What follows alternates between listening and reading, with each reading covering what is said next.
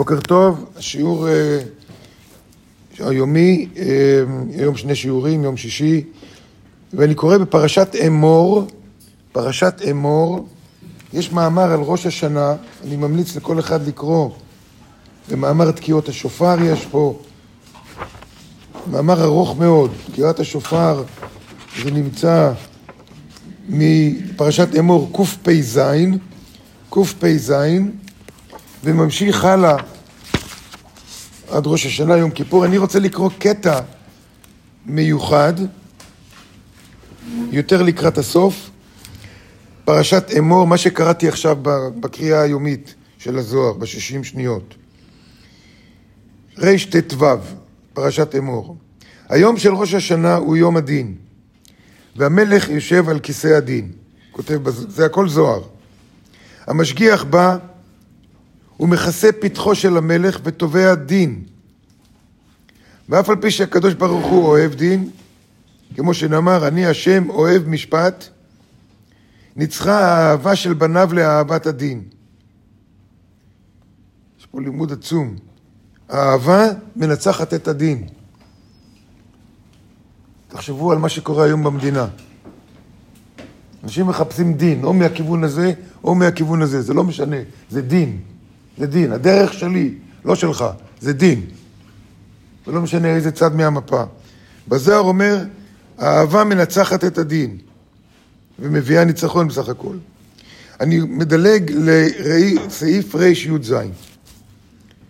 סעיף רי"ז, הסיפור על יצחק שאומר, קורא לעשו, בנו הבכור, הוא אומר לה, אני לא יודע, ותיקנה מראות, לא ראה טוב כבר. אמר לו, לך תצוד לי ציד. נכון, מביא לו ציד, רבקה שומעת את זה. כולנו מכירים את הסיפור, נכון? אומרת ליעקב, תתחפש לעשו, תביא לי גדי, תביא לו מטעמים, שייתן לך את הברכה. הזוהר אומר, כל זה קשור לראש השנה.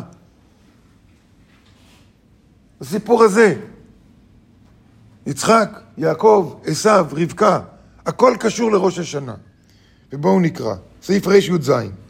ביום ראש השנה יוצא יצחק בלבדו, לבד, רק יצחק. מה זאת אומרת? הרב אשלג מוסיף, דהיינו שקו השמאל שולט בראש השנה. קו שמאל זה דין, מושכים אור וזה מה שיש. אין כוח התנגדות, אין רחמים, אין קו ימין, שרק שמאל, רק רצון לקבל. קו השמאל שולט, בלי ימין ובלי קו אמצעי, שם אברהם, יצחק, שם אברהם ויעקב. והוא קורא לעשו, ביום ראש השנה, הוא קורא לעשו, מי זה עשו? יריב. היריב, הסמ"ך א', השטן. להתאים לו תבשילים, צודה לי ציד, של כל העולם ולפי דרכיהם. מה פירוש? מה הסוד מאחורי זה? כותב, מוסיף פה הרב אשלג, דהיינו לתבוע דין על כל מעשי העולם. צודה לי ציד, לך לעולם, תשוטט, ותביא לי כל המעשים הרעים של אנשים, כי זה עשיו, זה לא יעקב. כי באותה שעה ותקהנה עיניו מראות, כי יוצא ממנו מי שמחשיך פני הבריות. דהיינו, מי זה מחשיך פני הבריות?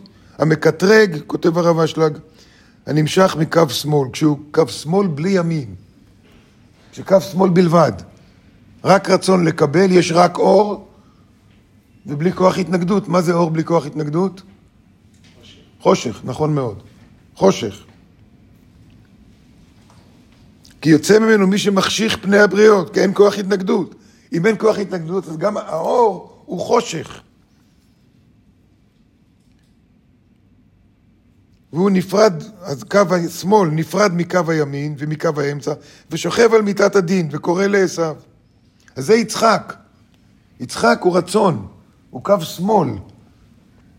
אבל בראש השנה הוא קו שמאל שתובע דין. ואמר צודה לי ציד ועשה לי מטעמים.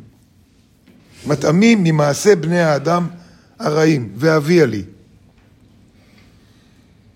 אבל רבקה אמרה אל יעקב, רבקה היא המלכות. רבקה עכשיו בפחד, נכון? הסיפור הפשוט, זה יהרוג את זה ויהרוג את שניהם. יש לה, יש לה סאגה משפחתית מאוד קשה עכשיו, לכאורה. כאילו התורה מספרת לנו איזה סיפור כזה, אבל לא. רבקה היא המלכות, המלכות בפחד. מה שאנחנו כולנו צריכים להיות בפחד בראש השנה. עכשיו עושים אותה חטאים ואין רחמים. זה יום של פחד.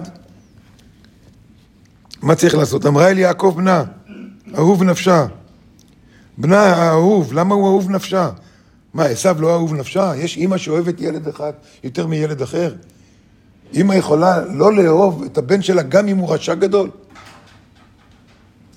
זה אימא לא נורמלית אם היא לא אוהבת את הילד שלה. אימא של רוצח צריכה לאהוב את הילד שלה. כי הוא הילד שלה.